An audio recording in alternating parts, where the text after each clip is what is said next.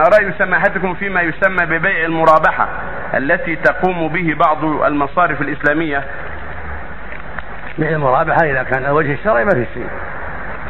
إذا باع بربح معلوم اشترى منه السلعة بربح معلوم أو باعه السلعة بربح معلوم ما فيها شيء.